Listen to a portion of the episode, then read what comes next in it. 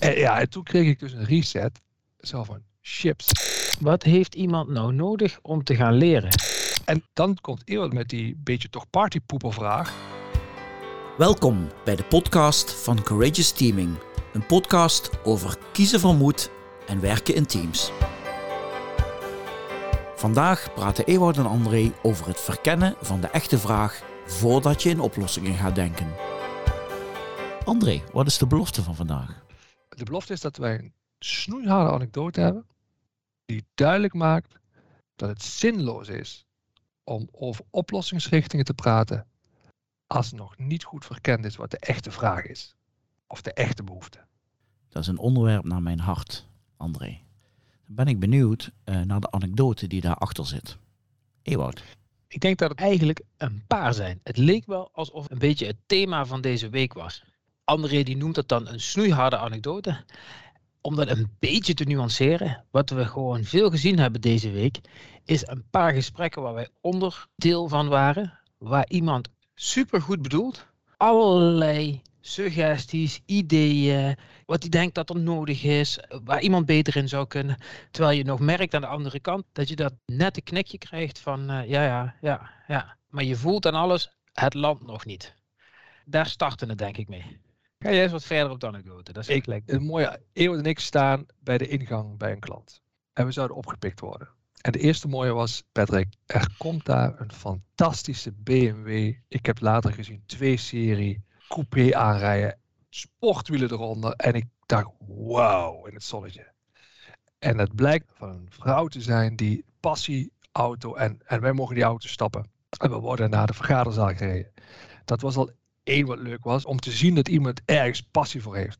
En zijn hardverdiende centjes, want het was niet een miljonair, zou ik maar zeggen, daaraan besteedt en daaraan een mooi verhaal heeft. Dan heb je al wat meegemaakt, hè, die dag. Nou, vervolgens komen we aan, wisten ook niet precies waar we moesten parkeren en uh, uh, wisten ook niet precies hoe we, hoe we binnen moesten komen. Terwijl het waren allemaal collega's die elkaar zouden treffen. En het hele thema ging ook over uh, mensen die voor verschillende bedrijfsonderdelen werken, verschillende units. En die samen zeiden wij moeten veel meer gaan samenwerken, want uh, er is zoveel synergie tussen ons. En je voelde, ik, ik voelde niet meer, oh, het zou toch mooi zijn als iedereen dat wil. Weet je, ik word in de flow meegenomen van, kom jongens, kom.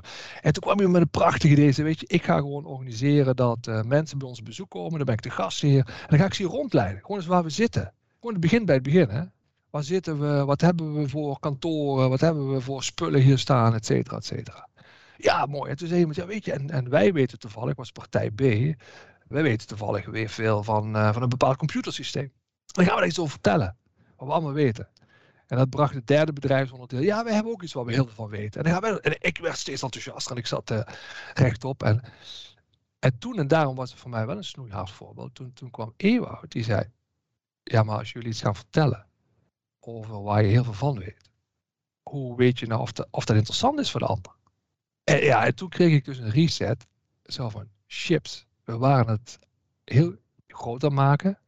Best practices heet het ook wel eens in, uh, in ons vakje gewoon aan elkaar vertellen. Hè, met alle goede bedoelingen. En we hebben ook oplossingen gevonden voor hoe we met elkaar gaan samenwerken en ideeën.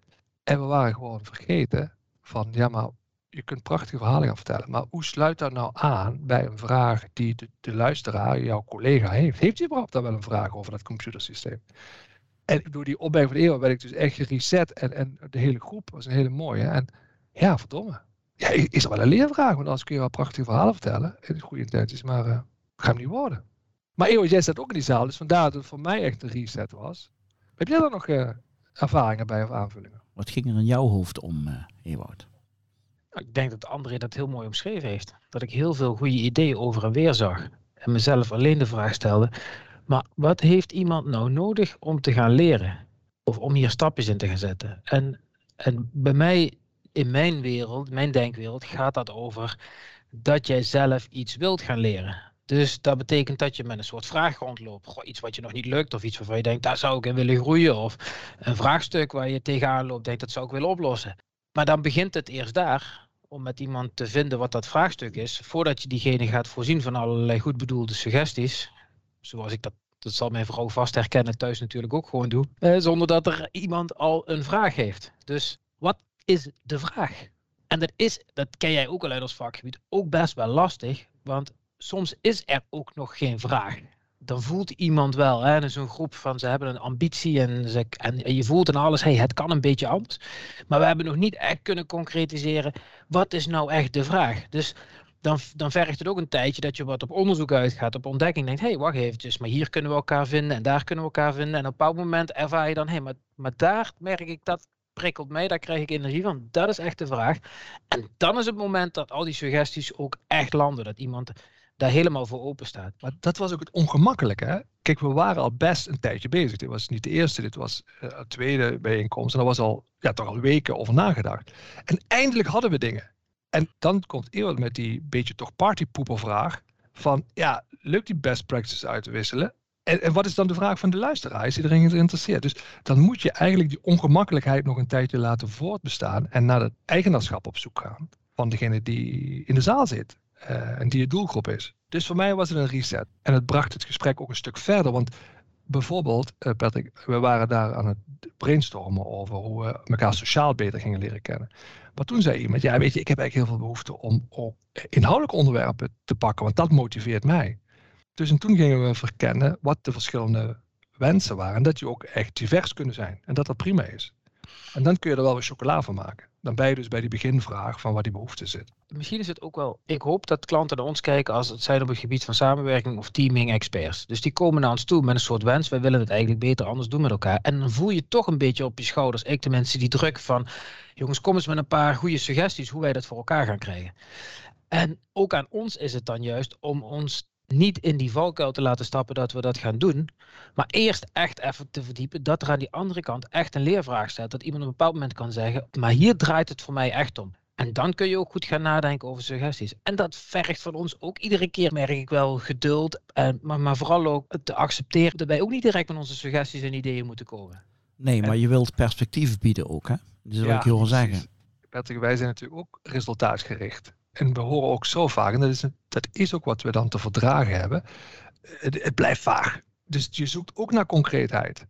En welke vraag heeft deze klant nou geholpen om achter zijn echte vraag, de vraag achter de vraag te komen? Voor mij zat hem dat in het moment dat ze inzagen, maar, maar wat wil jij eigenlijk uit deze samenwerking halen? En wat kun jij dan al gaan doen? En niet moeilijker dan dat. En dus de een komt tot de conclusie, wat ik er echt uit wil halen is meer sociale contacten, mensen waar ik mee kan sparren, waar ik van kan leren. Nou, wat kun jij dan gaan doen om dat op te zoeken? En die andere die kwam tot de conclusie, ja, voor mij zit hem dat meer dat ik eh, een aantal inhoudelijke issues waar ik tegenaan loop, dat ik die kan oplossen, dat ik daar hulp bij krijg, dat ik een groep mensen omheen verzamel die daar met mij samen een oplossing voor wil bedenken. En wat houd je dan tegen om dat op te gaan starten? moet je nou wachten tot het management of de directie zegt, prima, ga dat doen, of kun je daar nu al mee gaan beginnen? En nou, dat waren voor mij uh, de vragen die uiteindelijk echt iets in beweging brachten. Aanvullend daarop, er kwam opeens ontzettend veel energie in de zaal toen ze loslieten, wij moeten iets collectiefs ingewikkeld gaan organiseren. Grote bijeenkomsten en hoe gaan we dat dan doen? Van iedereen gaat kleine dingetjes doen. En dat kunnen die zijn die Ewout net noemde. En dan wordt het weer heel klein. En dan gebeurt er van alles. En dan sluiten mensen wel daaraan waar ze zelf eh, het meest gemotiveerd voor zijn. Dan ontstaat dus ook wat je wil. Elkaar beter leren kennen en samen effectiever worden op bepaalde onderwerpen. Dat ontstaat vanzelf. Maar even terug naar het begin. Hè? Als jullie nou niet waren begonnen met al die oplossingen. En meteen de vraag hadden gesteld van jongens, eh, wat is nu het probleem? Was de uitkomst dan anders geweest? Of heeft dit misschien wel, suggestieve vraag voor mij, heeft dit misschien wel geholpen om te starten met wat oplossingen? Want mensen denken graag in oplossingen. Ik vind het zelf een knettergoede vraag. Ik zou het dus ook niet weten, want wat je eigenlijk zegt, weet je, het gaat zo heen en weer. Van vaag naar iets concreets en ja, noem het maar even een iteratief proces, hè, dat je ook nodig hebt. Eh, dus, dus ja, je kunt, je kunt best gelijk hebben en dat het daarmee ook niet te sturen is. Uh, maar goed is dat er zo die interactie is tussen mensen. En wel, en daarvoor was die interventie van Eeuwt zo goed, het dreigde ingewikkeld te worden, groot te worden. We kregen allemaal extra problemen erbij met de ideeën die we hadden. En door die vraag werd het weer klein gemaakt. En het ging terug naar de kern, waar ga ik nou voor? Wat, wat ben ik bereid te doen als deelnemer van deze grotere groep? En Patrick, ik denk dat je wel gelijk hebt. Want die vraag had ik niet kunnen stellen als we niet eerst al die ideeën waren gaan aandragen. Um, want ik vind het mooie van mensen die voorstellen en oplossingsrichtingen aandragen, is dat uh, iedereen dan wel een gevoel krijgt. Hè? Bij sommige ideeën ervaar je een enthousiasme en denk je, oh, ah, dit is het helemaal. En bij sommige ideeën beweeg je liever weg. En dat zijn weer die momenten, die, die moet je heel serieus nemen omdat je daarmee een steeds beter beeld krijgt met elkaar van hé, hey, maar wat willen we nou eigenlijk echt graag hieruit halen? Ik vond het super waardevol dat dat gebeurde.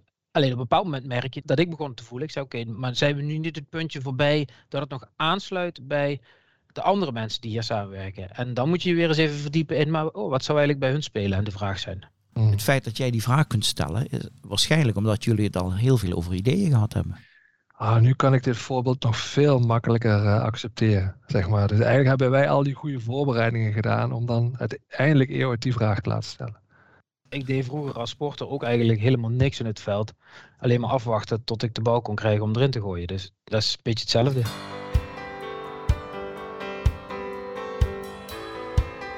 Ga voor meer informatie over Courageous Teaming en het werk van Ewout en André naar www www.courageousteaming.com